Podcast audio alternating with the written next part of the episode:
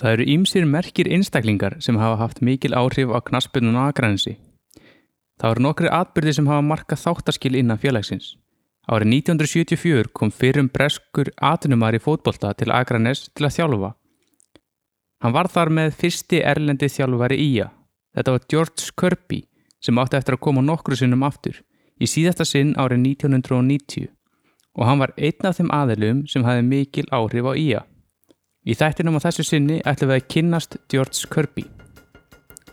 Þátturinn er bóði gamla kaupfélagsins en nýverið opnaði kaupfélagi matstofu sem opinir alla virka daga millir hálf 12 og 2. Það er bóðið upp á 5 heita rétti alla daga. Við hvetjum alla til að kynna sér þessa nýjum gamla kaupfélagsins en réttinum fylgir súpadagsins og kaffi. Þá geta fastakunar keift klippukort sem tryggir enn betra verð. En til að skoða veru Körbis og Akranesi þurfum við fyrst að kynast forsög hans og hefjum því leik að formála áður en við tillum okkur niður í Haraldarhúsi og ræðum við gömlu kempurnar Harald Stjórljóksson og Þröst Stefánsson. Ég heiti Björn Þór, um tækniváls í Snorri Krislisson, verður velkomin um borð í Skagarhalistina.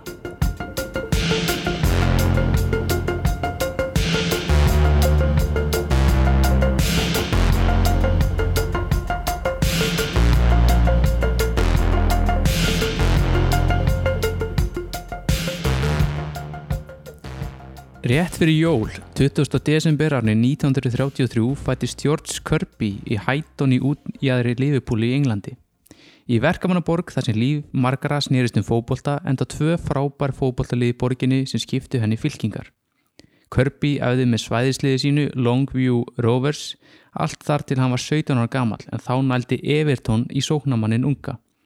19 ára fór hann að leika með varaliði Everton og þótti efnilegur en var þó um tíma nokkuð frávegna meðsla.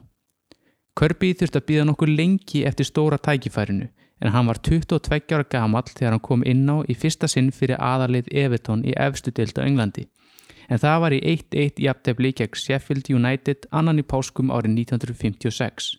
Kirby fekk aðeins eitt tækifæri til viðbútar á því tímabili en á því næsta 1956-1957 var Kirby að hátindi ferilsins þar sem hann fastamæður liði Everton fyrir hluta móts og legg 22 leiki og skoraði þeim 8 mörg. Fyrsta marki í eftir dild kom gegn Wolves með góðum skalla. Kirby þótti góður í loftinu og var framherja á gamla skólunum. Baróttu hundur sem vildi fá fyrirgjöð utan á kanti og steipa sér þá óttalauðs að boltanum. Menn sem horða hann spila sögust að fundi til með varnamönnun sem þurfti að leika gegn Kirby því hann rutti öllum frá sér sem urða á vegi hans. Ef markverðurinn náði til knattarins eftir fyrirgjöfa undan Kirby mátt hann búast við að ranka vissir inn í markinu með boltan í höndunum eftir viðskipti sín með Kirby. Hann var harðjagsl, reglulega í banni vegna hardra tæklinga eða fantabræða.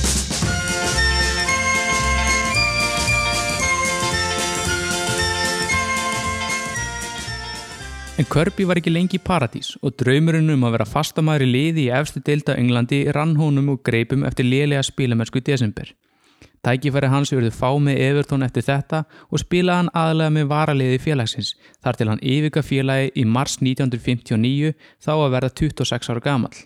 Mörgum hefur eflust fundist einkennulegt að Sheffield Wednesday fengu hann til liðsvísik en Sheffield Wednesday var þá ofar í dildin en Evertón. Tækifæri Körbís hjá Sheffield Wednesday urðu þó nær engin og laug þar með ferli Körbís í efstu dild. Hann fór snemma árs 1960 til Plymouth sem þá leki næst efstu dild. Þar blómstræði Kirby, skoraði eins og óður maður og vakti töluverða aðtikli. Southampton keipti Kirby frá Plymouth árið 1962 en Southampton leik einnig í næst efstu dild. Kirby sín stærsta leik á ferlinu með dýrlingunum í FA byggarsins árið 1963. Manchester United are all in white for their semi-final against Southampton. When the decorations are cleared away, the skipper of United wins the toss. Up goes an enterprising spectator, and 68,000 other fans see the Saints get the game going. For United, a well-placed centre. Dennis Law just manages to connect. Goal!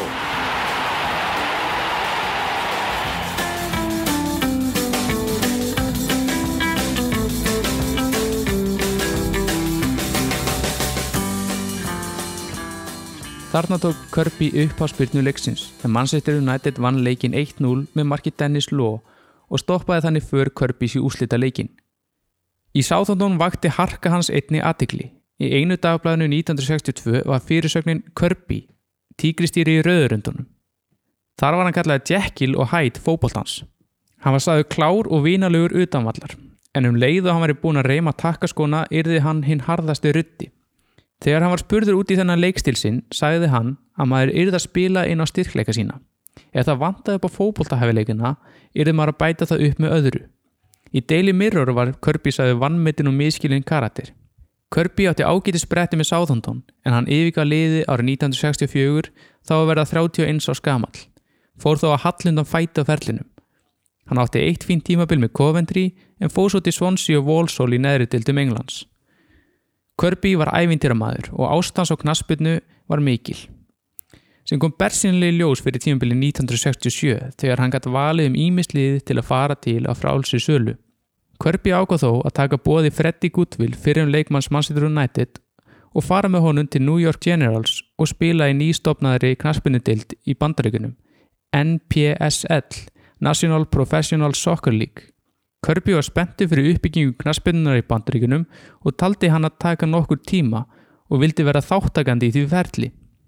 Þá var Kirby spenntu fyrir því að í bandaríkunum gæfist honum kostur á að þjálfa skólakrakka. Í New York kynntist Kirby fókbóltamönnum frá fleiri löndum en Breitlandi og leg meðal annars með Cesar Luis Menotti sem síðar átti eftir að gera Argentínu heimsbytturinn 1978 og Barcelona spænsku misturinn 1983. Kirby hefði fulla trú á verkefninu í bandreikinum þrátt fyrir lítinn áhuga almennings í New York á kappleikjum í fókbólta.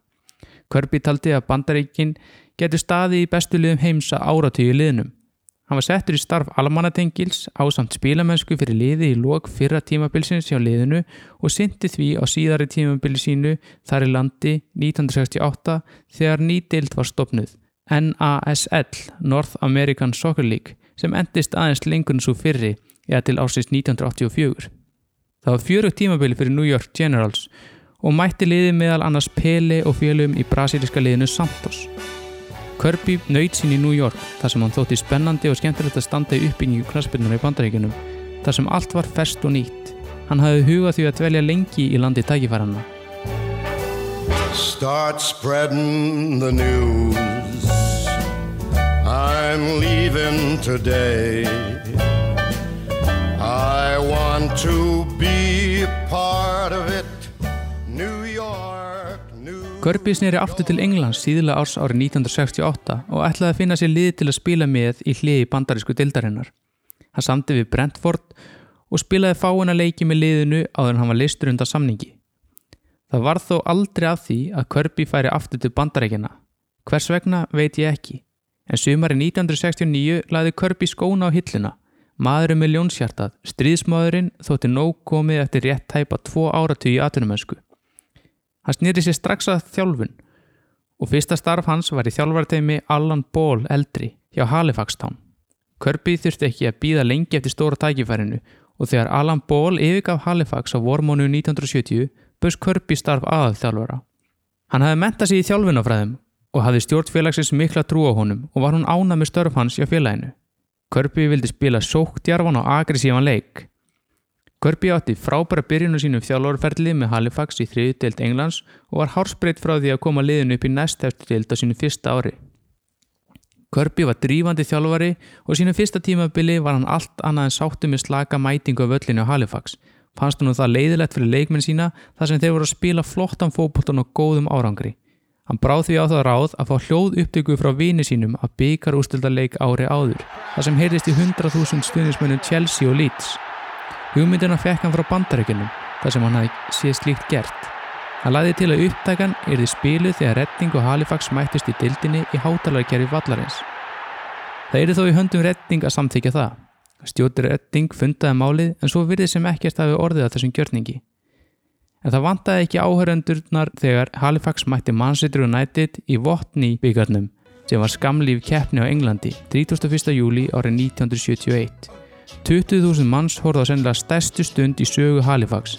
Manchester United sótti til Sigus og teltu fram George Best, Bobby Charlton og Dennis Law.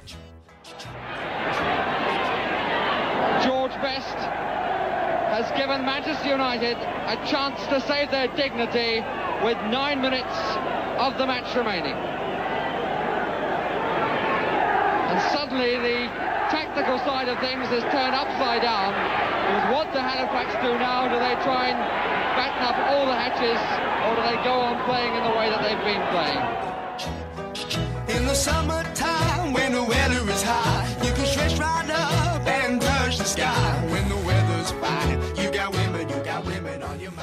En allt kom fyrir ekki. Mark Djors best og vítaspinnu næði Manchester United ekki og Halifax vann 2-1. Stórveldi var niðurlagt að þriðjudelda liði Körbís. Leikurinn vakti mikla aðtigli á Körbí sem þjálfara og keftist nokkuð stærri lið um að fá hann sem þjálfara eftir sigurinn frækna. Úr varða Votvort í næst eftir deild náði samningu við Körbí í ágúst 1971. Framtíðin var björt fyrir 37 ára gamlan George Kirby sem strax fórðun aðal þjálfar í næst efstu dild. Hann stemdi hátt. Skipti Kirbys frá Halifax til Watford voru þó langt frá því að vera heitlaspor á hans ferli. Kirby gekk inn í vonlausar aðstæður í Watford þar sem Olga var innan stjórnarinnar, fjármálinn í ólægi og selja þurfti líki leikmenn. Í ofanálag herriður slæm meðsli á leikmannahópin og ekki til peningur til þess að fá leikmenn til að fylla þau skörð. Úrvarð að Watford fjall með skömm niður í þriðutild. Í leikskra Watford frá árinu 2009 var tímabilinu 1971-1972 líst sem helberi hörmung.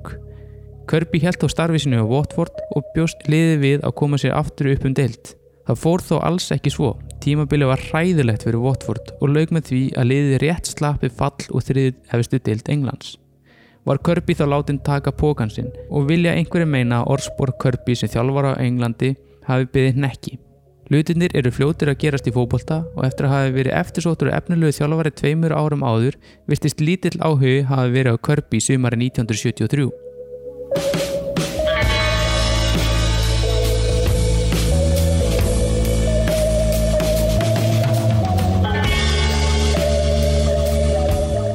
Á Íslandi sumari 1973 hafi verið ráðinn bresku þjálfari til að stýra liði keflaugur, Joe Hooley, með góðum árangri. Hann gerði keflaugur Íslasmeisturum og ítti við íslenskum fókbólta með þjálfun sinni. Við þessi afreg Hooley fóru fleiri íslensk lið að horfa til þess að ráða inn breska þjálfara, þar á meðal skagamenn. Það var á köldum vetradegi í byrjun desember 1973 sem tveir skagamenn stigu upp í flugvill á leið til London. Annað þeirra var Ríkari Jónsson sem var formaður í IA. Hann hafi verið drivkrafturinn í knaspinu á Akranes um langa hríð en nú var komin tími til að hrista upp í lutunum. Með honum í för var Korn ungur formaður knaspinu til þar IA, Haraldur Stulaugsson. Hafði hann stund að náma Englandi nokkrum árum áður og einn af fáum skagamennum sem talandi var á ennsku. Með þeim í för var lítill kynningabæklingur um Akranes sem átti eftir að hafa mikil áhrif á knaspindusögu Akranes þó það hafi ekki verið fyrir séð því að flugvillin tóku loft í Keflavík. Þeir voru kappi við tíman. Degi áður höfðu þeir Ólafur Erlendsson og Vilhelm Andersen flóið út fyrir hönd Víkings í Reykjavíkur. Bæði liði sóttist eftir kröftum Körbís. Víkingar voru skrefi á undan og höfðu funda með Körbi áður en skagamenn mættu. Í höfðustöðum breska knarsbundusambandsins í London hófst barathónum með Kirby millir skagamann á vikinga.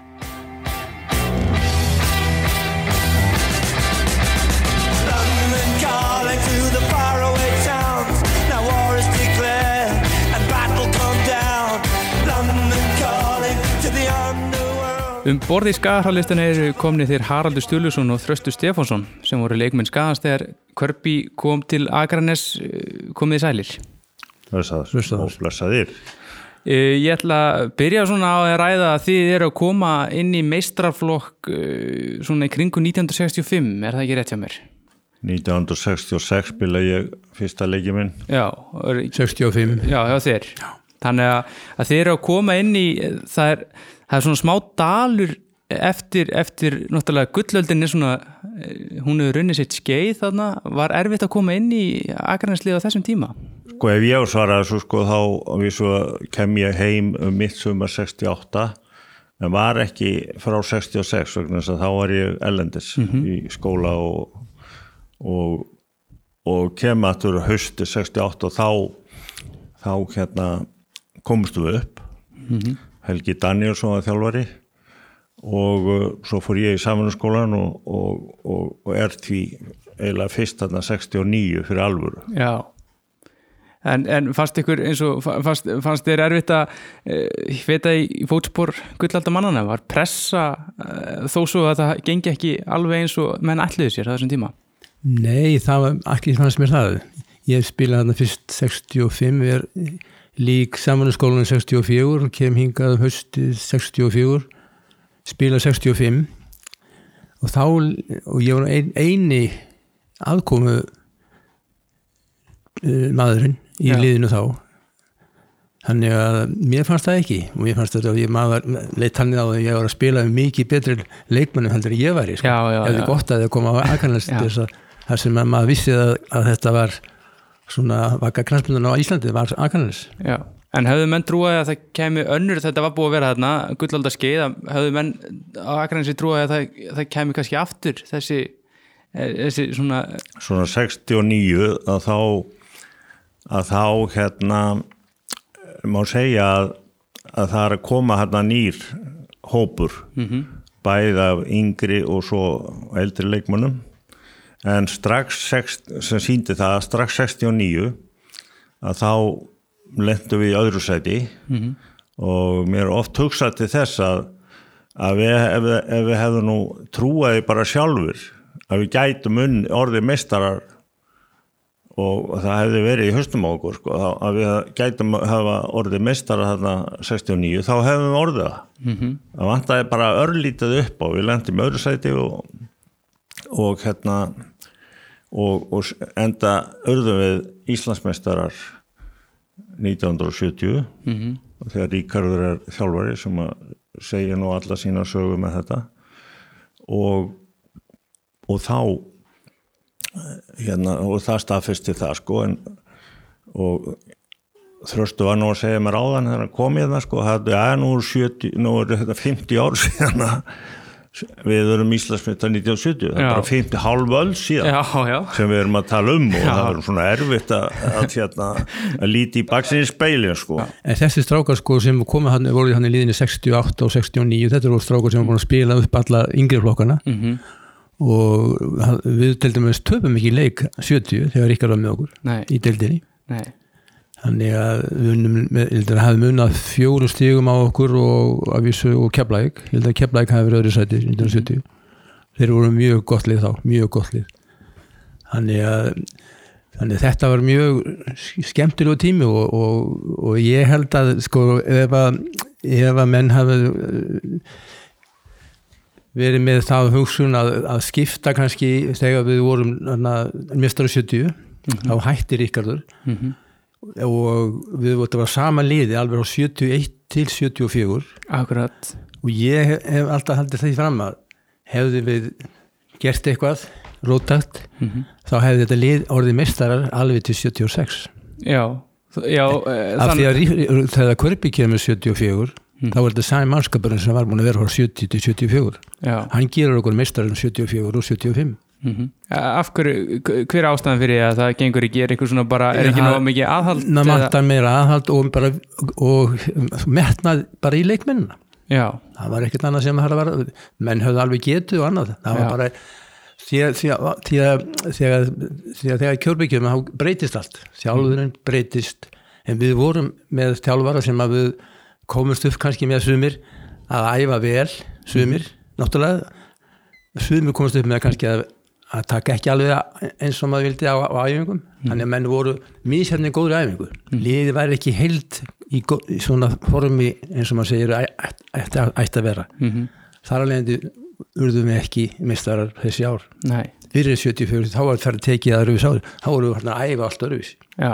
Er, eh, var Ríkarður að, að þjálfa þarna til 73 eða hvernig var það? það var, nei, nei, Nei, það var bara eitthvað hann svona Já, hann var það, já og uh, það voru aðri þjálfarar Já. en síðan er það hérna síðan er það hérna uh, haustið 73 sem við í knarsbjörnuráðan ákvaðum að og það var nú kannski eftir því að við, við eftir það að við sáum sko að, að við vorum nú svona ofarlega en við sáum hvaða breyting var hérna á keflingingunum sem voru sem réðu hérna á 73 og hann hérna Djó Hóli Já, hérna það ekki og, uh, og Var hann þeir- fyrsti erlendi Já, þjálfarinn hann til þess að svona, það var þetta búið að vera ellendi þjálfar en hann var svona fyrsti myndi ég segja sem að, sem að kemur inn á þetta nýja tímabil. Já, sem að sko er svo framald á að því að þessi leikmenn sem að voru þarna 74 og þetta voru urðu síðan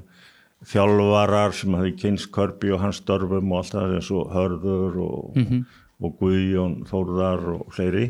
En við ákveðum fundum það að því að þeir keflingarnir voru í svo mikill miklu betri æfinga við.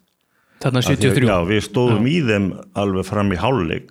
Mhm. en, en hérna en þá keirðu þeir bara full áfram og þeir vunn alltaf sko, um 1-0 Já. sko, en, en við semst, ákveðum þarna að fara út til út til London eða ráða enskan þjálfara við vissum ekki hvað vorum að gera því þetta er náttúrulega stór fyrirtæki Mhm. það hefði ekki verið gert og þetta var allt í sjálfbóðin áður en nú ætlum við að fara að gera þetta þannig að, að við förum út og, og, og, og við Ríkarður og, uh, og það kemur eitt þarna sem að melda sig og við förum út og inn á skristu ennska knarpursambansins og en svo áttum okkur að því þegar við komum út þá eru vikingarnir Reykjavík, þá eru þeir líka Já, mættir á staðin þannig að og svo þegar hann kemur inn þá, ég gleymi því í sjónaldri hann var í brúnum liði og eitthvað sem að sko, náði alveg á hæl.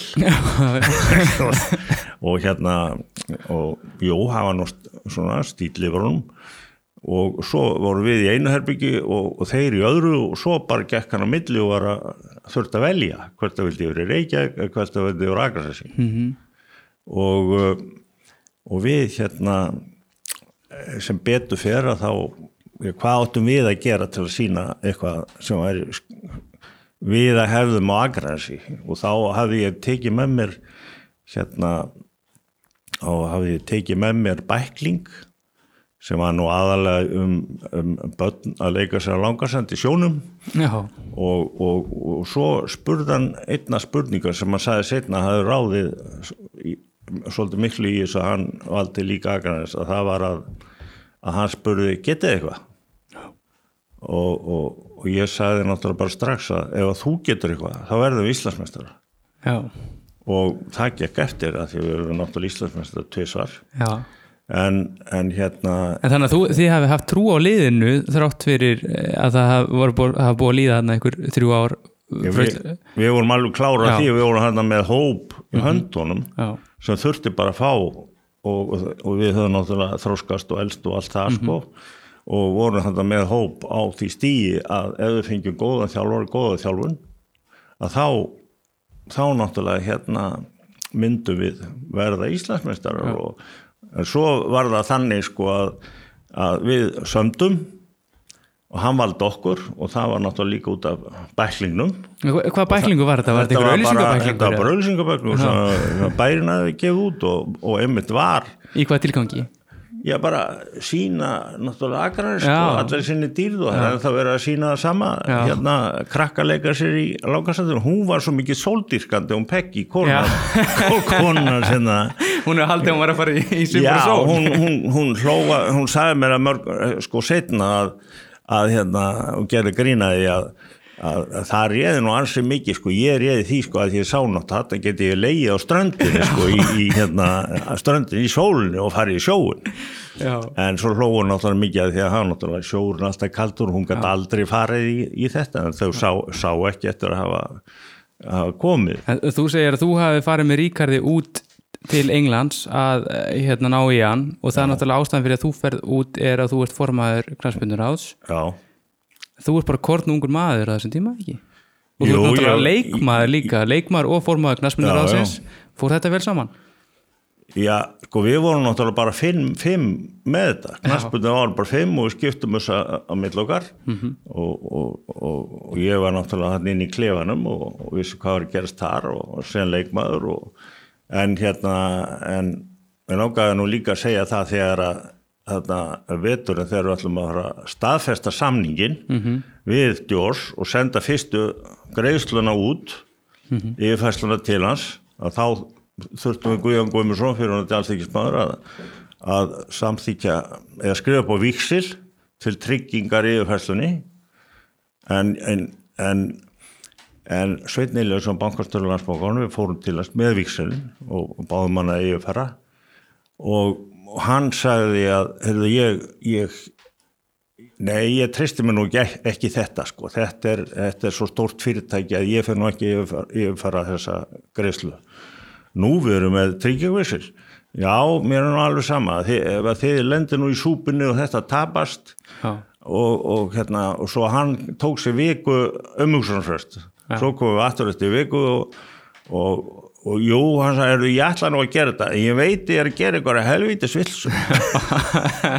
en svona var þetta, en hún þótti svo væntum í já og okkur Já. að hann, hann vildi ekki að við lentum í súpunni. Nei, það er allan ágætt en eh, Kirby var náttúrulega atvinnumadur og allt hans líf svona eða snerist um fótbolta og atvinnumönsku hvernig fannst, þegar þú heyrðir að Kirby var að koma og, þegar, og svona þín fyrsti kynni af honum, hvernig leist þér á hann að mann? mér Kirby? leist mjög vel á hann þetta var, það, sko, þetta var alveg nýtt fyrir okkur og, og, og þjálfun öll, öll var allt, allt, og allt annað bara fór að annað stig mm Mhm. -hmm. segja og við til dæmis unnu hann já, þess að við vorum að segja und 74 meistarar bæði við bæði árin fórum við í úslit byggakernuna Já, sem var náttúrulega mjög erfitt hjá okkur því að við vorum búin að spila nokkur, ég tók þátt í ég 5 eða 6 útslareikinu með byggakerninu sem að, að, hans aldrei nei En ég var nú orðin formaði bandalagsins þegar við loksins urðum byggamestara 78, þannig að ég fekk að lifta byggarnum Já, já, það er ágætt Þetta er alltaf svo Já, það var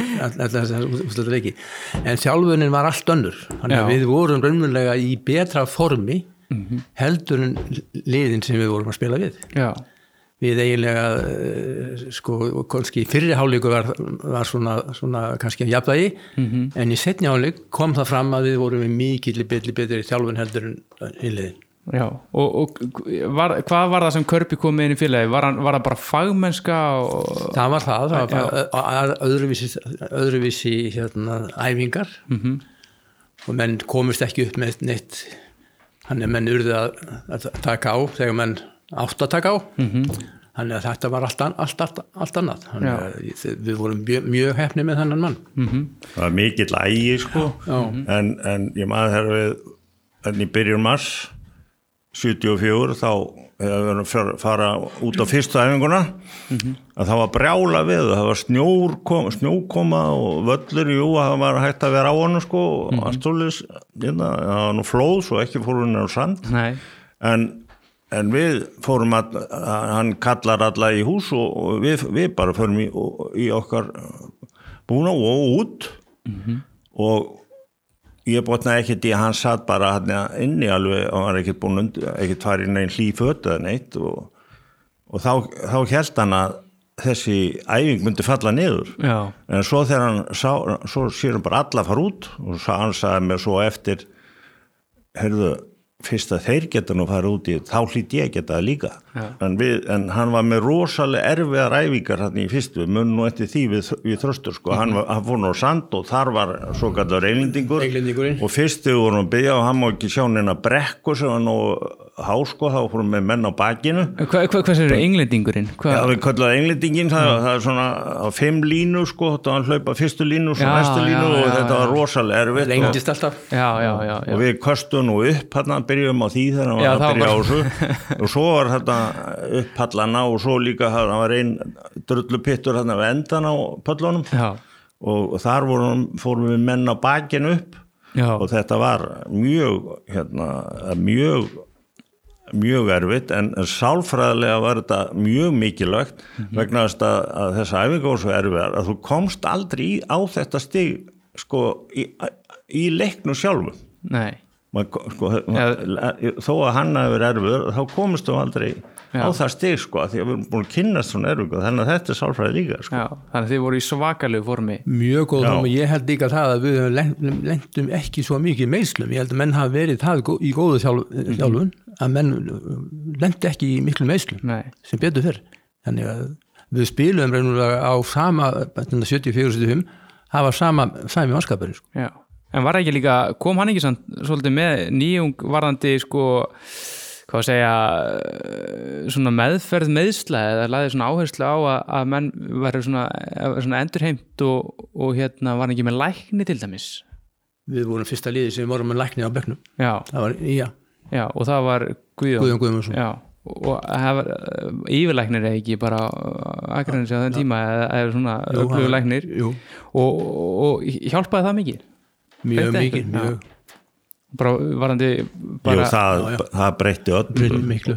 En, en líka sem að var nú kannski svona miskilið Mhm. sem að ég rætti nú oft við hann og það var, var hérna hann tók suma menn fyrir. Já, og, og, og, og leikmyndin sumir þeim fannst að þeir væri með sko einelti. Já, en, en, en þetta var bara harka sem að sko var sín, sín, sínd ákveðnum aðila vegna þess að hann var búin að sko var með hugmyndur um það að þessi leikmæður áættar að fara í aðunum sko og þess vegna er nöysinlegt að, að taka á honum til að hann verði tilbúið þe- þegar hann fer út Já. vegna þess að aðunumeskan er nú ekkert lamba að leika sig við. Nei Já, hann var með uppi, uppi með þær hugmynd það var ekki margir sem voru að fara í atvinnumönsku á Íslandi þessum Nei, tíma. Nei, það er eins og teitur Já. þegar við vorum á 70 þá, þá, þá tók hann svolítið teit fyrir sem Já. átti nú eftir að fara út. Já, já, heldur og ég man að við, það var hann staur á malavellina þar sem að teitur var alveg að gefast upp og hjælt utanum hérna, ljósastörin þarna sem var nýbúið fljólos og nýbúið sitt á vellin og, og ég er ekki að segja að tárin hafi runnið en, svona næstum því. Og, og, og, og þá náttúrulega var hann hana, en ég sagði honum að þetta væri út af þessu. Já, hann bara hefði svo mikla trú á honum og þess vegna gerði hann þetta. hann var svona mannþekkjar eins og hún segir. Já var hann upplöfur að sjá já, hva- hann, hverjir sá, hann, hann var aðblúður í því að sjá hvernig hvað, hvað menn hvað byggi minnum menn, Mhm. hann var líka einmitt, hann tók e, til dæmis Pétur Pétursson mjög snemma og fór að spila honum, eða allan að æfa með mestrarflokki held ég, að það sé rétt hjá mér. Já, já, þetta er og síðan ég- hann er maður sem næri Sigga Jóns og þrjáflokki, hann hefur verið bara mjög upplöfur að sjá hverjir, hverjir myndi skara fram úr. Ég man, að hafa með eitthvað blaðavittal og, og ég man að papp, pappans Péturs kom heim til mín sko og hann var svona hálger uppnami -hmm. að því að Pét, hann hafði sagt að þetta væri næsti eh, hérna atvinnmaðurinn já, og þá var hann bara, ég man nú ekki alveg hvað hann var gammal þá en, en þetta var svona hálger uppnám já, hjá fjölskyldunni. Var bara hann, yfir þessu en, en hann, hann sagði í, í viðtali að, Pétur hérna, þetta Mhm. síndi það hann, Pétur að- og á í eitt ári var hann náttúrulega með markaðistu leikmönnum Evrópu. Já, já, en hann var virkilega góður þjálfari sko, og hann, hann kom ekki eins og þú sagði maður, sko, hann kom ekki fyrir í mars mm -hmm. byrjaði okkur. Og ef menn voru nú kannski búin að bæta aðeins á sér já. þá tók hann þá, þá aðalega í gegn sko Það þarf að fara að tala um því, hvað- hvað- Já, hann sá að, að það var hann, sá að hérna hann sá að hérna við vorum sumir aðeins of þykir um, um mjadbundar já, og, og let okkur fara suma í, ég segja nú að bara verið þröstur sko. En þröstur nú aldrei vilja við kynna hann að það ég, ég skal við kynna, ég fór í plastbúsutur og, og þá áttum við að með sér lófapeysu líka. Ha, já, lofupulsu, þá áttu að, áttu að renna svo mikið á þessu svæði og svitna. Já, já. Og, og, og við grendustum alveg helling sko. Hann- það fórum í toppstand. hann hafði sína aðferði sko. Já. var hann, að- láta ykkur laupa bara í einhverjum svona plast út Já, já, bara í í- í sal, í leikursal. plastbúksum svona sem bara setti, kom með við ég man að þröstu vildi nú alls ekki fara í þetta. Alls ekki sko. en við vorum nokkur, ég man að Daví var ekki Daví Kristjánsson, Kristjánsson, já, já, markmaður Davíð og- þeir hafa allir neita þessu. En þetta er svona, þetta hafði sín áhrif. Já, en kom hann með einhverju svona eins og þetta, þetta er nú frekar svona nýstálegt vantarlega fyrir ykkur. Og, og koma með eins og æfingar og stýrt við talaðum um að það hefur verið mjög erfiðar æfingar. En koma með einhvern svona meiri fjölbreytileika í æfingar og var, var, var það það voru þessi einstaklýsæfingar já, menn, menn hérna, það er og hvernig það tók til dæmis Jón Gullúksson sem dæmi. Hann kendi Guðjón að skalla sko já, Já, og þröst og svona og svo voru við þarna nokkrir fengri með Mhm. og látið skjóta á þá. Og þeir komu framvöllun og sköllu tilbaka sko. Já. og hann var mikið með og ég veit að hann tók þjálfarana í, á séræfingu og, og ég man að einn markmaðurinn hann, hann var kannski eitthvað töðveklaður en aðri ég veit, fyrir ekki að vinnur. En, en hann, hann tók á stundum bara mottana fyrir leikina. Já, ha, já, bara til þess að koma við stann já. Já, og, einn var hérna einn, svo, já, komaði svona stað og en svo var með smá meðalega glas eitthvað úaða lítið. Það var eitthvað í glasinu sem hann gaf hún já, en ég vil nú ekki segja hvað það var. Nei, og vallar komist að því ennþá. Nei, nei. og við komandi neytaði alltaf. Og þetta er bara á milli hans og djós og djós er dáin já, það var mjög harður sko. Við, á þessum tíma vorum við með 6 og 7 menn í landslið já, nákvæmlega. Já, hann var náttúrulega þekktur líka fyrir í Breitlandi að vera hörkutól þannig að hann lítur nú að hafa verið það alveg eins ég er sko. Já. Eh, En við vorum, vorum ekki fimm haraldur sem, sem að vorum í landsliðin sko, og við vorum æfðu með sko landsliðinum á vetunnar -hmm. og keirðum suður. Og síðan áttum við að fara eitt mer, mer, mer, merkilega sko eitt, áttum við að fara til Belgíu og Hollands. Og við ákvæmum að, að fara ekki síðustu æfingunum í landsliðinu en það skagamennir mm -hmm. þá hefðum við ekki getað mætt á æfingu hjá okkar liði í hálfa mánuð þannig að það var búið velja okkur allir í landsliði og Haraldur lendir í því að ringi í Albert og það var Albert Gummarsson formaður Kási að við kemum ekkert núna, við ætlum að fara æfingu hjá Skagarum, við kemum bara suðu þegar við við ætlum að fara út á völl. Já, já, Albert held að það nú ekki í lagi og, og okkur var öllum kastað út á landsliðinu. Já, og, ný, og nýjum menn, menn aldrei í liðið. Þannig að okkur, en svo komum við aftur inn í landsliði já, já, Var af að okkur. vetraræfinga var náttúrulega svolítið Já, mál sko að það var hann Albert var með sko það var bara hverju einustu helgi allan veturinn Já. og við móttum ekki vera með vettlinga og við móttum ekki vera í síðu buksum Mhm. við verðum að vera á frostnu völlum og öðru, bara alltaf beri sko já. það var mjög sérstak sko er mjög sérstætt sko En sem er ekki, ekki, ekki lægi sko en Körpi hefur hérna vilja bæta einstaklingin svolítið, hann er Já, svolítið það að já, með, það hann var reyna mikið með einstaklings Já. svona tók á fyrir og einstaklingin en var ekki mikið bara heima hjá líka eða kikið heimsótti manna til þess að ræða fótbolta? Var, Jú, jú, jú, sko ég sem formaður náttúrulega hérna er sko er á æfingu og, og sérstaklega hérna 74-5 að þá eftir æfingu kom hann yfirleitt með mér heim ég var í blokkar íbúð og, og, og, og minn hérna eh, þá var ég bara nokkra mána og, og, og hinn á leiðinni þeir voru Pálmi og Stullu þeir, eru- þeir, þeir eru eins árs hérna í viku. Já, hérna báðir eða að, hérna, stutt á millið þeirra fætti 73 og 74 en ég kom heim og það var alltaf sest við eldursporið á Garðabröndinni og þar voru, var styrtað úr móla sigurinn, móla og það var alltaf sko, klukkutíma töflufundur alltaf á borðunni með og en, en, en, en Ingeborg er nú best til að segja sko, ég ætla nú ekki að fara út í það Nei, en það að var nú sé- yfirslegt hérna, sem að hún, hún gat sagt sko að því að hann reyndi nefnilega sko vissi það. Þær voru kannski mjög pyrrar út af þessu en hann, hann reyndi að gera eitthvað fyrir þær líka og var, mjög inn í því hver, hvernig þetta var hjá, hjá hverjum og einum sko hvernig Já. fjölskyldilífið var. Já, hann er, já. Og ég hérna við heldur við tökum smá pásu núna og heyrum í Ingibjörgu hvernig, hvernig var að með Körpi á heimilinu.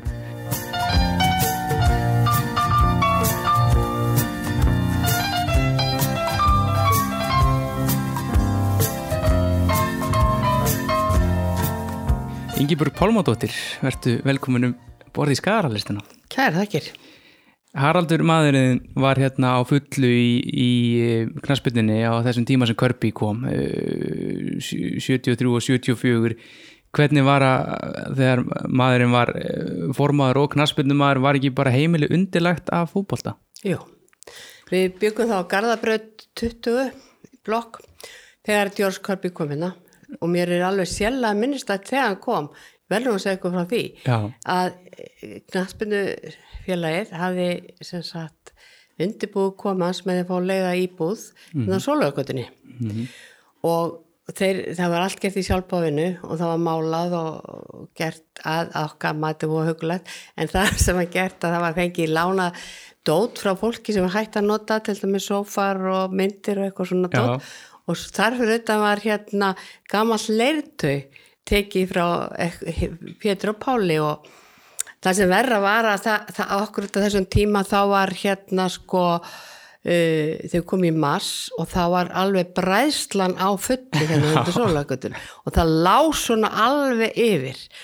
Þau kom hann og við heldum þetta sé alveg svakalega hugulegt og þau verði alveg gasa lána Peggy og koma. En þau sem sagt eru svona segi ekki neitt, afskala kurtist fólk, glæsilegt fólk. Besta aldrei þarna. Og þau komin inn og, og ég fatta að þau eru eitthvað skrítin og svo ég sé, er eitthvað sem vantar?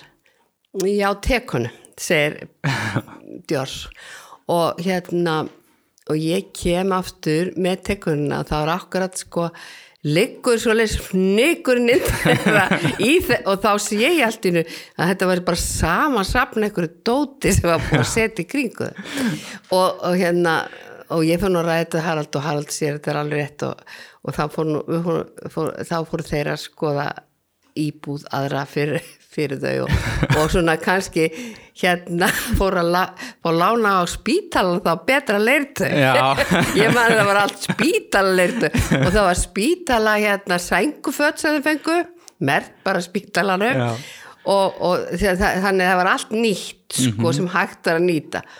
Já, en sem sagt að þegar að, djós kemur þá hérna er ég nýbúin eiga styrra og er hann ófriska pálma og hérna og þeir koma og uh, Haraldur fer alltaf æfingu milli hálf sjö og átta.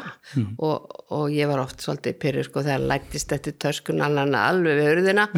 Að ég segi ekki neitt. Og svo kom hann alltaf með djórs heim. Og, og hérna á kvöldin og ég gaf þeim auðvitað að borða eitthvað.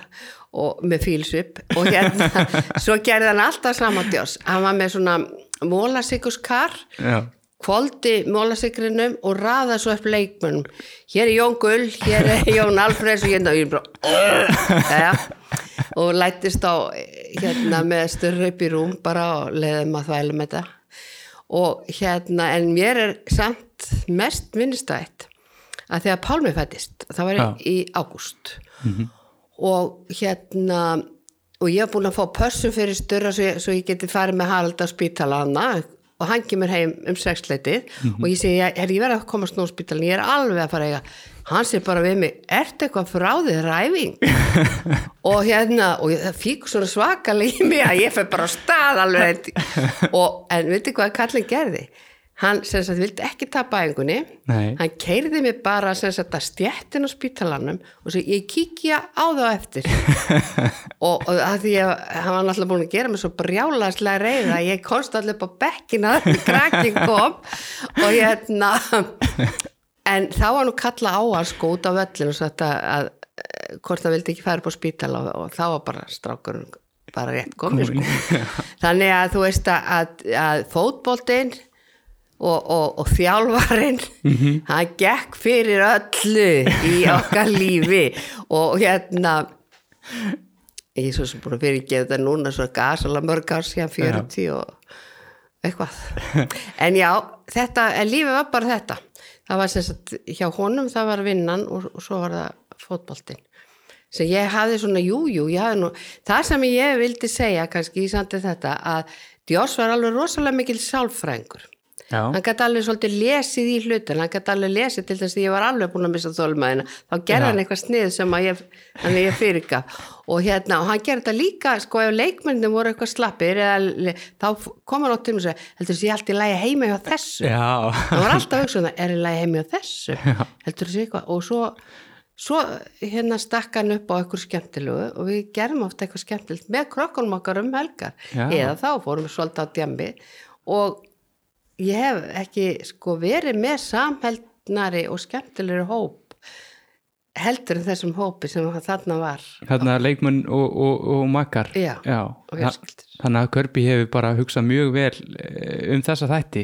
Mjög vel. Og hann var alveg, þeir eru nú örglettir að segja ykkur hérna, ég ætla ekki að segja strákandi kallarnir hérna, einmitt hvað hann var mikið svona sálfræðingur að gera allavega tricks sko og setja á það rauð ljós og svona ég vissi að það sem hjúka þetta nú bara eins og hverjum jólaljós Já.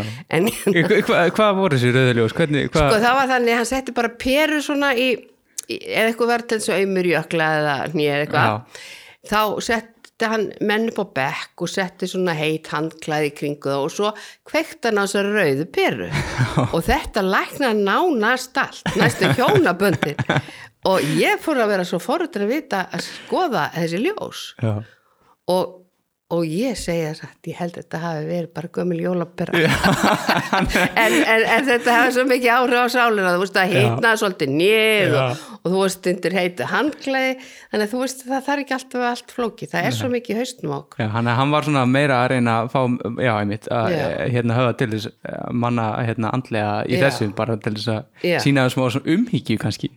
akkurat, svona elsku sem umhyggju og hann gerða líka gagvart konum að kunni það. Já, en þeir eru líka búin að segja eitthvað frá því sko að hann byrjaði að segja þeir, voru allir á feitir strákarnir Já. þegar hann kom og settu allir í plastboka átt að sofa í plastboka en þeir eru nú ekki allir sofið í plastboka alltaf því að þessi kalla voru alltaf að krakka það eru eitthvað svilla.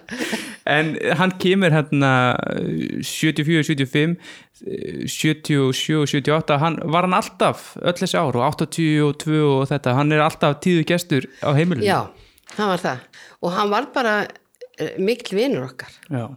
og við kynntustum honum alveg sérstaklega vel og, og, og já hann var bara eins og einn af fjölskyldunni Já. og hann var ekki bara einn af fjölskyldunni okkar Haraldar heldur sem þess að tóna að vera mikil vinur móður Haraldar sem bjóði Já, þess já. húsi og, og, hérna og eins bara sýstur Haraldaðirna sem að hann var líka mikið með þannig að hann var bara einn af fjölskyldunni.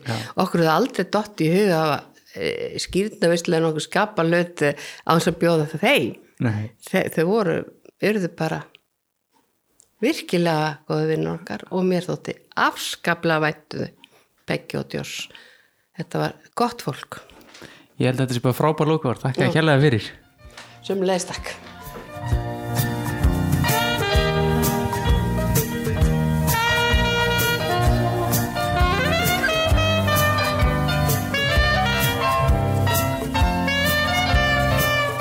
Já, þú hefur bara skilað óletti konunu bara á sjúkrahúsi til þess að mæta æfingar. Það gekk, fyrir allt. Það, það var nú yfir, það var nú bara þessum tíma, það var bara, voru það lög og en maður svitna nú ofta var að, hvað maður var að gera sko og meira sér var faðir minn að hann hérna var nú uppvisað því sko og fór sérstaklega til Ingiborgar stundum. Og, og það var eitthvað sem að Ingiborg alltaf að fara að segja mér sem hún, hann held að ég myndi hafa ágjur af. Og hann sagði við hann að verð ekkert að verð ekkert að segja Ingeborg frá þessu sko núna að, að leikur á morgun. Hann var meðverku líka. Það er eitt sem fjölmiðlar tala um í kjölfæri að það koma nokkur breskið þjálfarar á þessum tíma til Íslands að þeir vilja meina að, svona, þegar, að, að það hef ekki verið síður allavega mikið áður að þjálfarar væru að garga og öskra svolítið inn á, inn á völlin og, og stýra liðinu og, og láta dómaran kannski heyra það svo leiðis. Ég held, held, var þetta eitthvað sem komið kvörpi á skagan til dæmis? Nei, hann heyrðist náttúrulega í honum stundum sko Já, já, já, hann let, let, let, let heyri í sér en, en það var alltaf kurtusins notunum já, já, Já, já. en ég, en ég verður að segja svo er það er kannski lett á okkur miðjumönum sko. Hérna, að, að, að fá köllitt já. af því að þetta er náttúrulega menninni sem að svolítið stýra eru hann á milli, varnar og sóknar. -hmm. og ég man vel eftir þessu að hann, hann, hann fyrst þegar hann í leikjónum þá var hann öskrandi öskra og maður var svo rugglaður maður horfði til hægri og vinstri og var svo tögaklaður að hérna að vissi ekki sko, heyrðu, hvað er hann að meina? En svo svona þegar konur búin að leika í einhverja tvo mánuði Já. að þá var var þetta orðið vöndun hjá manni ef, ef hann öskra ekki. Já, en er eitthvað til í að var líka að tala um fjölmjölum að, að, að, að þjálfara fóru inn á þegar menn mittust og svona eitthvað e, hérna í leikjum einhverju vildu meina í fjöluminu á þessum tíma að Kirby var að taka sér full langan tíma inn á vellinum til þess að til stilla hann saman strengi eða einhvað að gera þegar menn voru mittir rámar einhver einhvað í þetta? það kannski kom fyrir sko ef menn kannski mittust og, stað, og við vorum kannski einhverju ströggli sem var nú ekki, var nú ekki mjög oft sko, en komum nú fyrir þá var það til þess að róa leikið niður sko. Já, þá, vildi hann að menn róðu sig niður sko þegar að, að, að það hafði, hafði góð, góð áhrif á okkur sko. Já, en að maður tók stundum eftir því sko þegar það kannski gekk ekki vel til að byrja með. Mhm. að þá senda menn sko á hliðalínuna til þess að hita upp. Já, og þá náttúrulega við enginn fara út á sko. Nei, nei, nei. Þannig að það var svona vist það var með svona vist, taktík sko hvernig, í þessu mánu sko. En síðan er það með einmitt að, að hérna Guðjón Þórðarsson og Hörður Helgason kynntust Kirby ágætlega. Já, Get, maður getur síðan leifar Kirby's alveg fram í gullöldin á tíundáratögnum eða ekki í þjálfunum Guðjóns.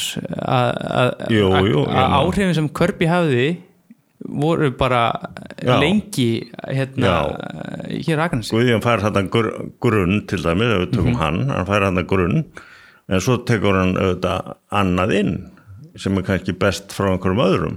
En þetta er bara eins og með öll, öll sko líka störf. Hvers, hvert það er eh, skipstjóri eða hvert það er þjálfarar eða hvað það er. En hann kemur hérna fyrst þá er hann sko ekki orðið fertur og, og, og síðan náttúrulega eldist hann.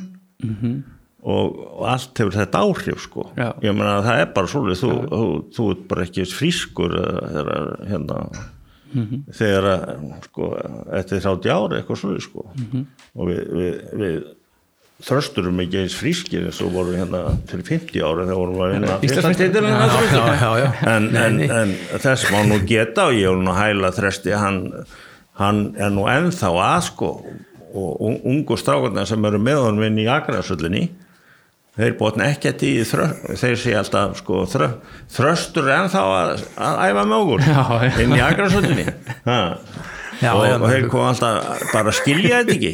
Og hann er ennþá bara hérna, að gefa flotta fyrirgefum En við erum sammála um það að, Körp, að koma Körbís á Akranis hafi haft verulega áhrif á, á knarsbyndisu í að, eða ekki? það er ekki spurning. Það er ekki spurning. Og ég bara skal lenda því Já. og ég veit að Ríkar Jónsson hann var sko þvíli dánað með að, að þetta var í höfpatna þessi samningur. Já, vegna þess að hann sagði, sagði hérna þegar við skrifum undir samningin já, hann sagði ég ætla nú að skrifa með blekpenna. Og tók, var klánum með blekpenna. Hann var svo ánað með, með þessa ráðningu og hann hefur fundið, fundið það líka. Já Ég þakki kjærlega fyrir komuna takk fyrir.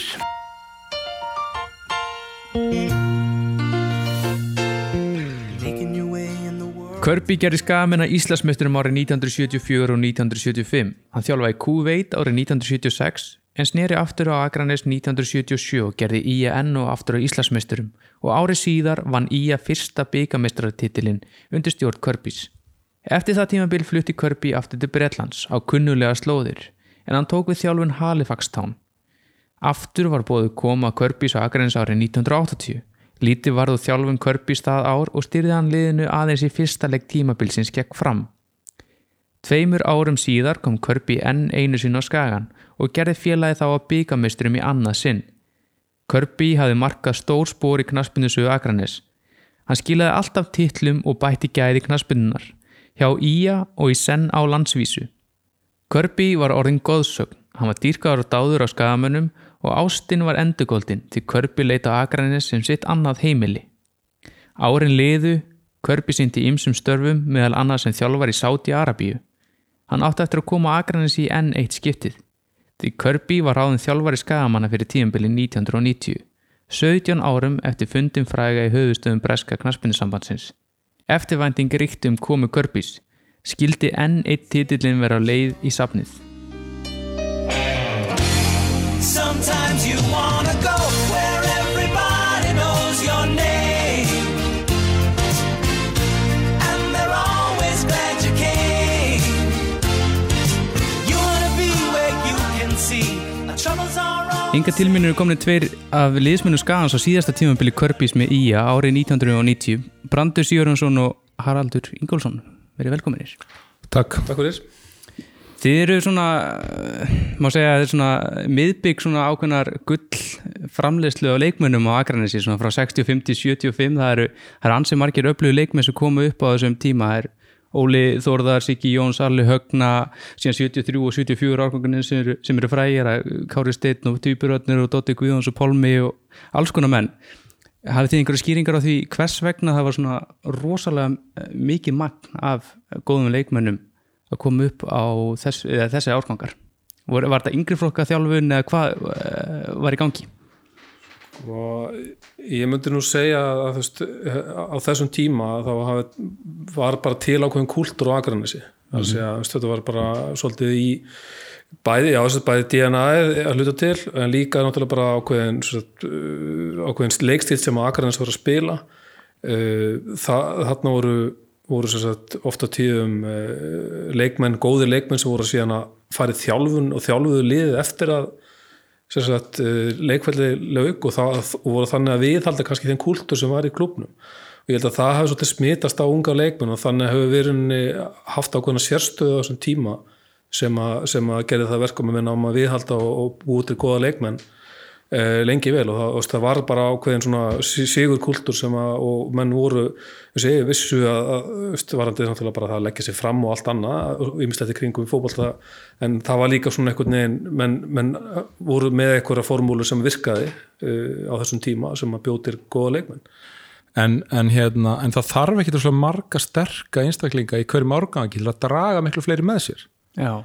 þannig að sko að það eru nokkrir sem einhvern veginn eins og Óli og, og Alli Víg sem eru 65 og Siggi og svo Gummi Gumm 66 við getum haldið að fara að tellja svona já, já. 73 er náttúrulega mjög sterkur árgangur. En ég held í raun og veru sko að þú veist, fyrir mína parta við vorum endalast út í fótbolta. Bara alltaf. Og, og, hérna, en, en svo er þetta líka bara þú veist það koma góðir árgangar og þá koma slemur árgangar eins og við sjáum bara með það er kannski bara, er. Mhm. óvinni margir á þessu tíjar og byli er óvinni margir sterkir árgangar og hérna okkar árgangar við erum hvað fjórir allavega sem spilum meistarlokki hér og þar Hatti fer lengra að fer út en, en, en hérna svo 73 árgangur er náttúrulega langstæstur af þessu sko já, já, það er náttúrulega svakalegt 74 er líka sterkur Mhm. og 75 er líka sterkur -hmm. það eru nokkri sterkir einslægingar í þessum árgangu líka En svona minningar ykkar að, hérna, svona knaspindu minningar af skaganu þau eru yngri, munið eitthvað áttu eitthvað fylgdistu vel með og áttu hetju í liðinu og, og, og svo leiðis Já, maður náttúrulega maður fóð náttúrulega, eins og Brandur á hann maður var náttúrulega alltaf út í fútbolta mm -hmm. einhvern veginn bara, maður leikur tókum með sér næsti skilur ef að, hérna, því að að hérna fóð bara, eins og ég bjó, bjó upp á grundum, þannig að ég fór upp á Stóratún og leikum mér í fútbolta þar þannig að, hérna og já, já, maður fylgdist mikið, mikið með og, og hérna eins og segja á þessum tíma veist, að- þegar kannski, maður fylgist kannski frá 80, maður segja að maður er 10 ára þá byrjar maður svolítið að veist, fylgjast með og, og, og taka eftir og, fa og fara og, konum kannski bara meðan þroska að, að skilja og, og hafa eitthvað svona hverjir eru góðir og bestur og allt þetta ég menna, ég menna fyrir miskilur sem vinstri fótar hérna kampmann, náttúrulega var til dæmis átni sveinin skilur hérna, Já. upp á sleikmannu þegar, mm þegar ég er, að- þegar ég er ungu skilur þannig að svo er hann þegar, þegar ég er á- 86 þá er hann hans í síðast ár þegar ég, svo byrja ég í 87 sko, þannig Já, já, já. þannig að við náum ekki alveg, ekki alveg að spila Nei, saman nei, sko. nei En, en þú? Ég, sko, ég, ég var náttúrulega bjó annar staðar, ég bjó- bjó á heiðabröðinni mest og brekkvæðaskóli var minn svona vettvangur, Mhm. vellinir sem að núna er að fara undir fimmleikahús Já, Uh, ég bjó á heiðabröðinni bara beint þar fyrir ofan og, og hérna, þar var var bara fótbolti framöndu minnetti, ég meina, ég held ég að vera tíu ára þegar að kom einhver eldri strakur að spurja eftir mig klokkan tíum kvöld. Já, hérna það bara vantaði fleiri í já, og mamma svona, ha, já, jú, jú. Og svo vorum við til eitt um nóttina, sko. Já. en þetta var alveg svona uh, en fyrsta minn, ég er náttúrulega að flytta á Akranes bara átt ára gammal, sko. Ég er fættur í Reykjavík og, og bjóð þar til átt ára. Fyrsta minningi mín er hins vegar af velli sem heit Sandvöllurinn og var í raun og veru á planinu það sem að milli mannvits og akursblokkarinnar í dag. Þar var bara völlur, bara tvö mörg og bara sandur Já, ok. sem hafði bara verið mókað upp og hérna, þetta er náttúrulega löngu horfið. Já, já. þetta var svona fyrsta þegar ég bjóð á sandabrautinu fyrsta veturinn. En, en hérna svo, svo svona er líka mjög sterk minning af, af Malbyggs fótbolta nýr á hérna, Brekkubæ þar sem að Siggi Jóns hérna, dró okkur í hjólafótbolta. Var svona afbreyðið þar sem allir voru hjólum Já, að spila fótbolta, það var alltaf stórhættulegt og, svona eitthvað póló eða? Já, ná, eiginlega sko. Þetta var mjög eftirminnilegt sko. En svona varandi skagali þá er svona, það kannski eh, ég segi það sama hatti sko svona upp úr, ég man eftir byggarústalegnum sem að þeim fyrsta sem við unnum sem var þá 79 er það ekki, eða 78 78 það, þá er ég raun og veru bara nýfluttur hingað sko. Þinn muni hérna eftir kannski aðeins stjórnati Körbís, hann er hérna eh, sj- 77 og 78 og síðan 82 aðalega, hann kemur eitthvað í eitt leik eða svo í 80 en, en munið, munið þið eftir honum eitthvað, eða munið eftir að Körbi hafi verið að þjálfa í að liðið Ekki. eitthvað svo liðis Ma- ég man bara ekki hefur höfðu ekki að það pælt í þjálfara á þessum tíma sko. Nei, nei, Nei, sama, erum alltaf jafngáli skilur, að við erum hann 8, 8 ára skilur, 8 til 10 ára þannig að maður er ekkert að spá í þessum hlutum á þeim tíma sko Nei. þannig að, nei, nei, maður vissi ekkert, ekkert þannig um hver, hver var þjálfari en Nei, svo nei. skilur, það var bara leikmenni sem voru skipti máli þannig að í í huga ungs mann sko En þú komst ungur inn í meistraflokk, er ekki 80 og 87, 17 ára. Uh, hvernig, þú, já, þú spilar hérna undir stjórn Sigga Lár, hérna, hann er 88, 89 held ég. Já, byrja, svona Gauði Þólar Já, 87, já. hann gefið mér svona þetta fyrsta tækifæri sem að, tækifæri sem að spila mestarleiki og tekum inn og svo sikið Lára 88 og 9 Já, og hvernig, hvernig var bara stemmingin í, hérna liðina þessum, þessum árum? Hvernig, hvernig, já, Já, hún náttúrulega var bara mjög góð sko, þetta var náttúrulega á þessum árum náttúrulega urðu ákveðin umskipti það er smá saman urðu ákveðin svona umskipti á sé að leikmenni sem voru byggðuliði 82, 3, 4, 5 við svo byggamestur 86 fóru svona smá saman tínast út sko. Mm -hmm.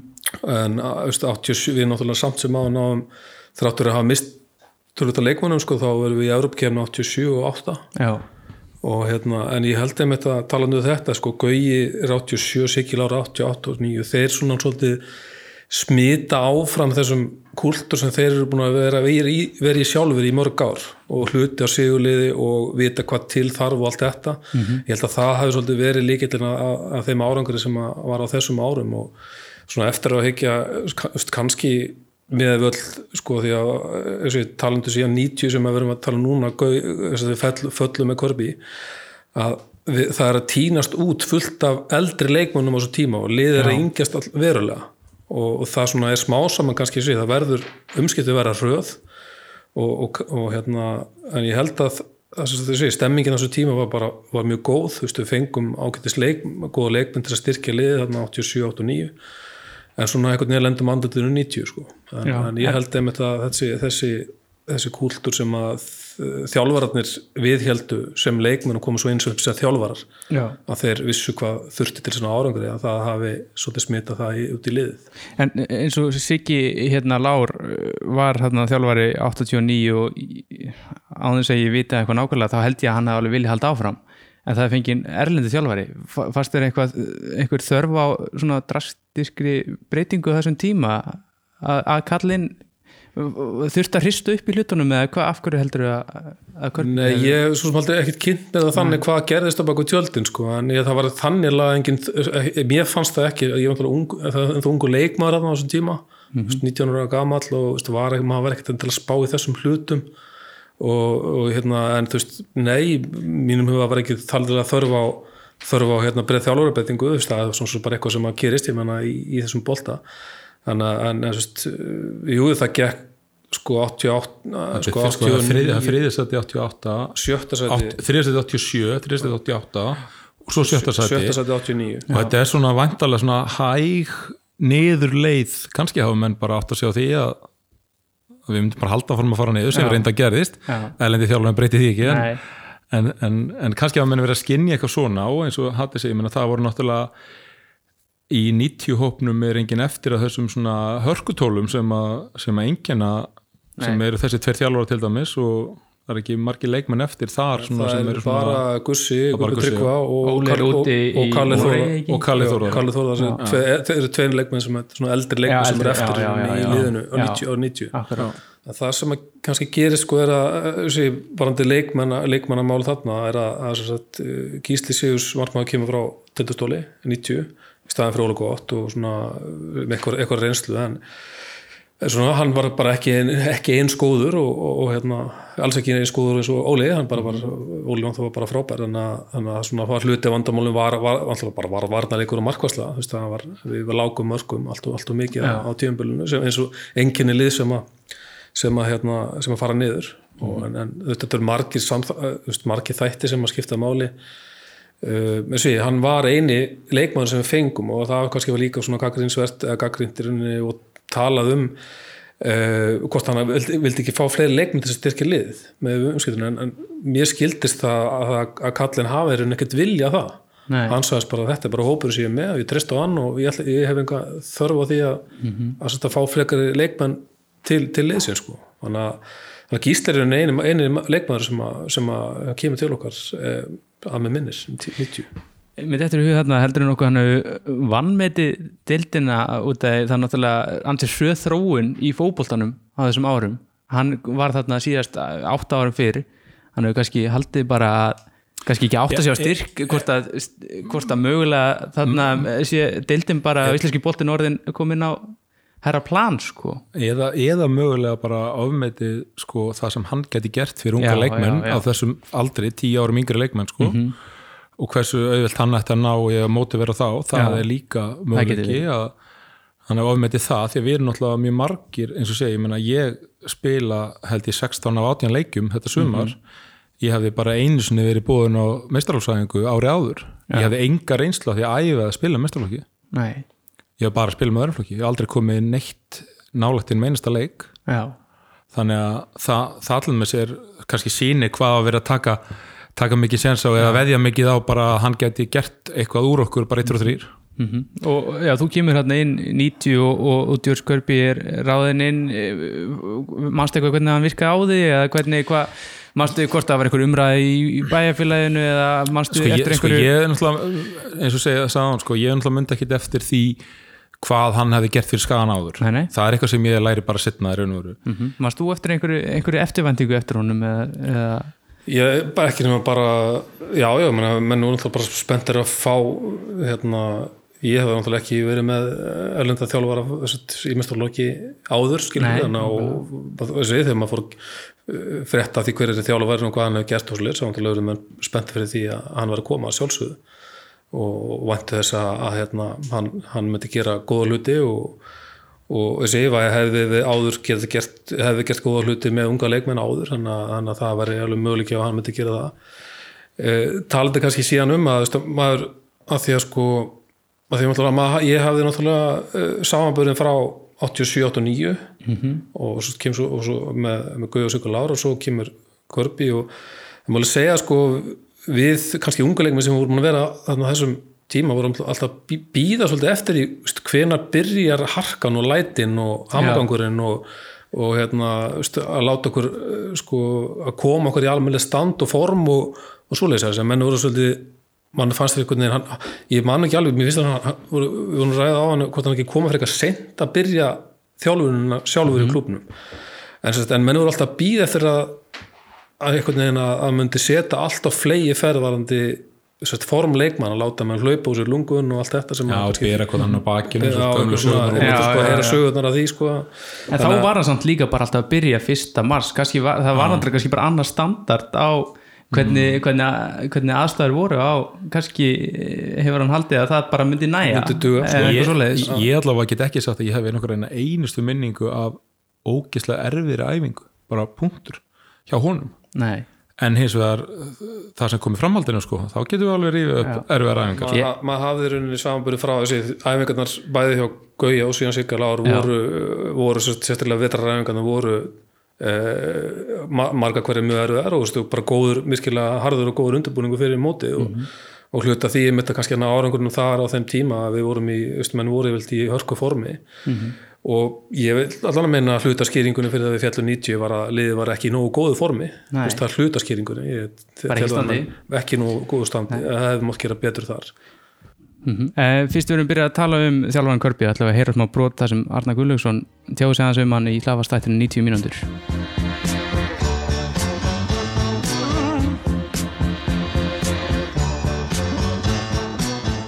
Við sett fjallu niður undir stjórn Körbi. Já. Og það var, það var samt mjög pyrrandi tímabili við vorum ætlumst til að verða svona almennin í liðin þá þráttur að ungan aldur 17 ára. En hann ákvaði að taka þann pól í hæðina að reyna að herða okkur svolítið. Sagði alltaf við okkur you learn it the hard way. Og það var basically svolítið svona aðferð sem var ekki alveg að það gæti vel verið að hafa komið hann hefur myndið segja já ég hjálpaði svolítið til við þess að stráka sko, en á þeim tíma var þetta ekki alveg að virka. Og liðið var eins og segja, það var, það var kynslu að skipta fyrir liðinu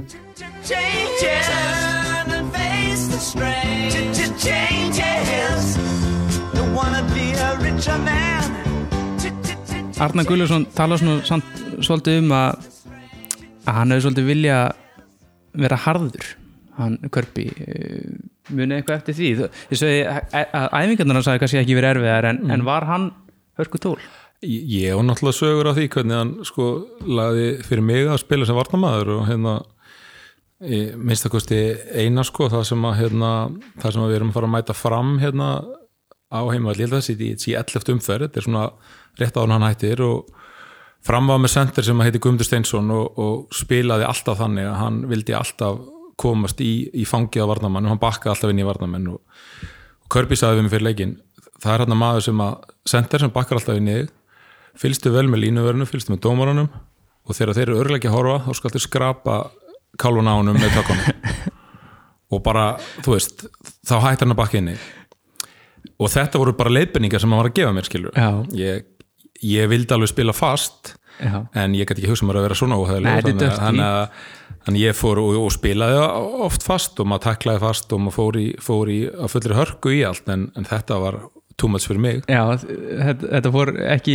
hérna, þetta fór öfut ofan í. Þetta fór auðvitað, ég, ég allavega hugsaði bara ok, þessi kalli er ekki að fara veist, hann, þetta er ekki lægi sko, en, en svo spilaði maður alveg veist, og ég meina, kannski hefði maður þurft að vera svona dörti til að björga okkur falli, ég veit það ekki. En, En það var, það fyrir svona einhverjar skipanir sem hann var með? Eh, hann saði reynda mjög snemma, ég man að hann ekki margar aðeins búna þegar, þegar hann tók mig og fleiri og sagði sko hann sagði hérna, there are two things coming at you a man and a ball, you can never let go, both go past you. Þetta var svona, þetta var kannski eitthvað sem var nú kannski ekki dört í þannig nei, sko, nei, en nei, svona, nei, en hann var alveg á gamla skólanum sko, meiri segja á breska mæli hverða oft á tíðum já, segja, sko. segja allan á fjölmiðlarnir þegar hann var að spila en ég man ekki eftir að hann hafi sagt þetta við hópin ég held að hann tók mig afsýðis fyrir þennan leika mútið fram varandi þetta sko Já, Já, ég man ekki eftir því að hann hafi sagt eitthvað svona yfir hópin skilur en það er þetta svona eitthvað sem þú kannski tekur og vilt brýna eitthvað ákveðin leikmann Já, í eitthvað ákveðin hluti, Mhm. mm -hmm. þá, þá kannski gerir það á þennan hátt og ég held að menn kannski hérna, það er svona kannski hluti líka að, að, hérna, svona, að þjálfarinn spotti það skilur, hann vill ná einhverju fram gagvart einhverju inn á vellinu skilur og þá bara tekur það með ákveðin leikmann og þess kannski að endilega Í- bomba já. því allt liðið sko. Já, já, við höfum alveg haft fleiri þjálfar sem hafa sagt okkur að gera um sér hluti sem að maður myndi ekki endilega sko, vera að tala um alltaf sko, þetta nei. er náttúrulega Já, og það, það þarf ofta að beita öllum bröðum og maður það- það voru náttúrulega menn mistilbúinir til að ganga langt sko en, en, en maður var alveg tilbúin að spila fast Já. það var svona meira það var meira kannski svona uh, hérna, þarna varstu komið kannski aðeins. En, kannski þetta dæmgert hérna, fyrir hans leikstíl sem leikmaður líka. Já. En uh, hann var líka þekktu fyrir að að horfa til, að vera góður að spotta unga leikmenn og, og horfa til þeirra uh, tók Pétur Pétursson ungan upp í mestrarflokk og Sigga Jóns úr þriðaflokki og, og hérna Haraldur Stulusson til dæmis nefndi að hann hefur verið hann ætlaði að gera Teit Þórðarsson að atvinnumanni og var mjög harður oft við þessa ungu stráka upplýð þú eitthvað slíkt? Að ég get ekki, ekki, ég man ekki eftir því neitt sérstarlega skilur ég nota benni, ég átti búin að vera með Gauði Þóðar og Sigga Lára undan sko, þannig að, að, hérna, að það var svo sem, og það, ég menna það, þeir náttúrulega hérna voru harðir orðan taka skilur og Já. ég held að Körbi, hérna, þannig að hann hafði einhver við það að bæta upp á það að gera sko, en, en, en just, nema það að já, þú veist, ég man ekki eftir einhverjum sérstökum sérstaklega, hann har sérstaklega tekið ungum leikmuna fyrir sko. og ekkert svona eitthvað einstaklingsæfingar eða þannig að reyna Nei, ekki, ekki, hann, ekki hann, hann var eitthvað einstaklega hinn áttar. Ég man eftir púlaðingum einhver tíman þar sem að hann hérna, let okkur hlaupa og svo þegar við vorum hálfaði með drillunar sko, þetta var einhver svona krosslaup á hálfu velli eitthvað leis þá allt í einu sagðan Guðbjörn og Kalli og það, já, ok. Þá var hann svona, hérna, þið eru búin að hlaupa nóg mæfina, þið eru að hlaupa meira þannig að, og, það, en, það, og kannski var hann orðin aðeins soft í þessu já, hérna, var svona það er enn fleiri leikmenn sem hafa sagt, einmitt sagt þessa sögu. Sagði, menn voru aðeins að pyrra sig á byrju, hvað er í gangi, byrju, menn eru saman í þessu. Já. þeir þurfa að koma sér í stand líka Kalli, og Kalli og Gussi þú séð elstir og ég meina, eins og segi hérna, Kalli náttúrulega hlustaði ekki á þetta og hann hljópar áframskilur en, Já, en Gu- Gussi náttúrulega er bara þannig leikmaður að hann, hann, hann bara hafa aðra eiginleika heldur en að hlaupa. Þannig að fast, hann var ánægð með að fá smá kvíld sko, en, Já, veist, en, og náttúrulega bara frábær í, í sí að gera það sem hann það er bara þú hefur mismöndi típar leikmannum en, en menn, það var alveg pyrringur út af því að það var svona verið að taka Þetta er einmitt ekki í raun og veru í samhengi við hvernig hann var áður sko. Nei, með, uh, menn segja bara ef að, að hann hefur bara þess vegna tekið fastur á mönnum eða einhver ætla að slaka á sko. harstjóri í raun og veru ég held að hann hafi kannski bara svona, svona gefa þess eftir svona bara, eða ég veit það ekki. Ég, er mjög kannski líka ferð að hugsa sem svo veist, ungu, leik, ungu leikmenn byrju, hvað, anna, þú veist, þú kannski hefur ekki alveg trúa þig þú veist, með, þú veist, þú veist, að taka það þarf að vera ykkur ástæði fyrir eitthvað leikmenn út fyrir sig og þetta er ekki Mhm. gera eins og hinni skilur þannig að þetta er náttúrulega hóp íþrótt og menn að gera þetta saman þannig að, þannig að eh, líka á þessum tíma reyndar að þá náttúrulega varstu með miklu meira að menn æfðu sem einn hópur. Í dag náttúrulega ertu með miklu meiri einstaklega þjálfun þannig að en, þú hefði verið gúttir að miklu meiri í dag að þjálfunum verið miður að þér físikinn náttúrulega, já, hún er þjálfum miklu meira einstaklingsins einstaklingsbasis, en, á þessum tíma var þetta bara grúpan. Þannig að þú bara, þú bara gerir það sem að, veist, að það mátti ekki melda sig út. Það var hlutir líka bara af gúltútum skilur, ég menna, þú veist, þú ert ekki að fara hérna, að gefa eftir í því að, að hérna, þú gerur bara allt sem þú getur til þess að, að sem að vera á æfingunni. Mhm. búntur þannig að, þannig að það er svona svo- kannski gafan ákveði færi á sig með því að, með því að vera með þessi skilabúð en, en hérna en það er líka svo sett uh, alveg tala um að nokkur sem segja sko hann kannski hann var alveg með flottar og fína punkta en á milli fyrir ungu leikmenn kannski voru leikmenni kannski endilega fatta að strax skilur hvað, hvað hann var að fara en kannski föttu það síðar. Kannski ekkit endilega á þessu, þessu okkur þessu tíembili en tóku með sér ákveðin skilabóð sem hann var að senda með sér inn í, inn í, framhaldi sko. ég, ég held að ég upplifði það þannig líka að þó að manni hafi kannski fundist að endilega ná til manns eða maður hafi endilega þú veist, fundið vera tilbúin að taka bara bókstæðlega allt sem hann sagði þá skinjaði maður samt alveg að hann hafi alveg ótrúlega mikið vit á fótbolta hann hafi ótrúlega mikla sko, mikið skilning og mikið kapasitet til þess að meðtaka leikinn og til þess að sko, ég, ég man eftir momentum þar sem hann sko, sem sagt uh, það sem maður átti að sjá því hvað hann mundi hvert einasta aðtöku, hverjum einasta leik sem við vorum að spila. Já, hvernig hann gæti dreigið inn allt í hennu herðu þú, þú veist, hann gerði einhver tíma hann tók stoppaði æfingu sko í júni eða lóki júni og saði við leikmann, herðu þú, þú, við, þessi hérna staða kom upp í, á 60. mínútu í æfinguleiknum á Selfossi hérna í mars. Þá saði ég við þig út að gera svona. Og hvað það gera? Þú veist, að hann, hann, hann hafði þú veist, maður hafði tilfinninguna að væri bara með 300.000 leiki í haustnum sko. já, já, já. Ég fekk þá tilfinningu oft sko. Já. en það er ekkit vist sko, ég, ætla, að ég, ég er á tilbúin að segja það líka við höfum alveg getað fallið þó að einhver annar hefði þjálfað skilur. það, það er ekki, við fjallum ekki að því vorum með körbi sko. Nei, alls ekki sko. Veist, það, það held ég að hefði alveg eins geta gerst hérna, og, með hvaða þjálfur sem er já, hugsanlega hefði einhverju þjálfur geta, geta haldið okkur réttu með línu sko, en, en, en það er samt náttúrulega nokkri leikmenn hann sem að síðan koma inn og eru svona á brúninni að byrja þarna uh, sem að eiga svo að skipta sköpum öll þessi ára á eftir sko. Mhm. -hmm. ég meina Steini Gísla spilar þarna Alli Högnar spilar þarna Arnar spilar einhverja leiki uh, Bjarki kannski færri svo, Ertu að tala um 90? svo, ég er að tala um 90 sko Já, já. uh, Hatti náttúrulega og, Þeir spilaði þarna Arnar og Bjarki og ég held að það hefði verið þannig að þeir spiluðu sjálfnast báðir, báðir í Já, þeir Það var ekki, eitthvað þeir svona- spiluðu, ég, ég held að Arnar hafi spilað kannski 8-9, Já, ég mann þetta ekki alveg. sko, ég var, að spjalla alla högnaðan daginn sko, hann vildi meina að kallinn hafi ekkert viljað spila þeim saman. Nei, það var líka sem Hann það spila- líka hann- en, þeir hefðu of mikið áhrif, áhrif á eða skilur, þeir vildur henni bara spila sín á milli.